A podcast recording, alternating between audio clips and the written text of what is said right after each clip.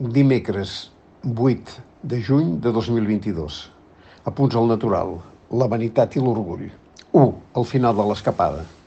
En la política abunden els personatges amb més vanitat que orgull, i la vanitat és frívola i ofusca els que han fet la seva manera d'estar en el món, mentre que l'orgull és exigent.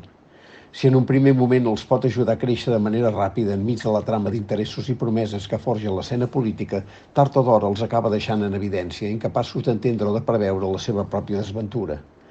Tenim aquests dies un exemple canònic d'aquest deliri tan humà massa humà, que té, això sí, la virtut de confirmar que la política no és aliena a les misèries humanes, ans al contrari, sovint les estilitza i les converteix en icona.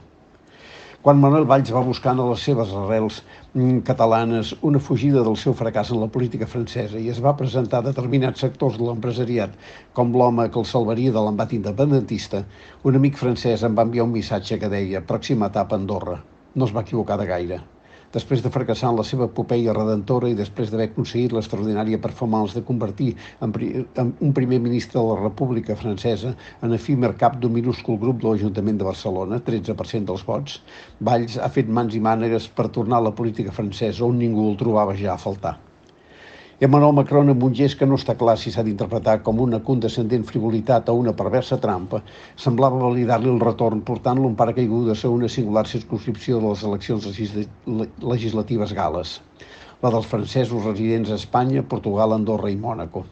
S'ha estavellat a la primera volta amb un ridícul 15,8% dels vots. El poder d'acció de les arrels, nascut a Barcelona, fill d'un reconegut pintor, difícilment justificava l'aventura de resurrecció que Valls va emprendre després del seu doble fracàs a París. Primer ministre del president Hollande en l'època que el PS va iniciar la seva via cap a la marginalitat, en paral·lel a la davallada de la dreta que en temps de Sarkozy, ai, la vanitat, es va liquidar el patrimoni golista, incapaç fins i tot de guanyar les primàries entre els candidats del partit a les eleccions presidencials de 2017, mentre Emmanuel Macron fugia del govern i es muntava per lliure la seva pròpia triomfant candidatura que posaria fi al peculiar bipartidisme imperfecte francès, fundat per Georges Pompidou i François Mitterrand després de la sortida del general de Gaulle. Dos, provincianisme.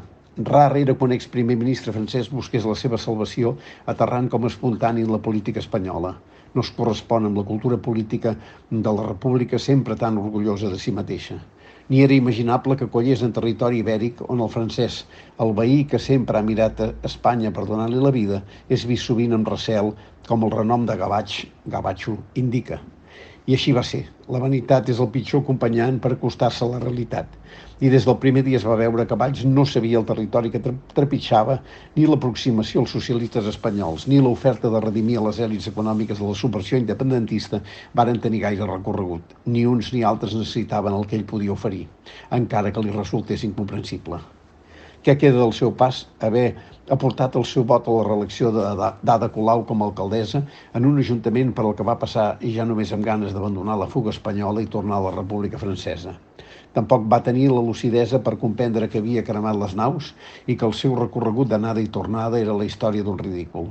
La seva estrepitosa derrota en el que havia de ser la plataforma de retorn a la política francesa acaba amb aquest exercici despropòsits de la vanitat.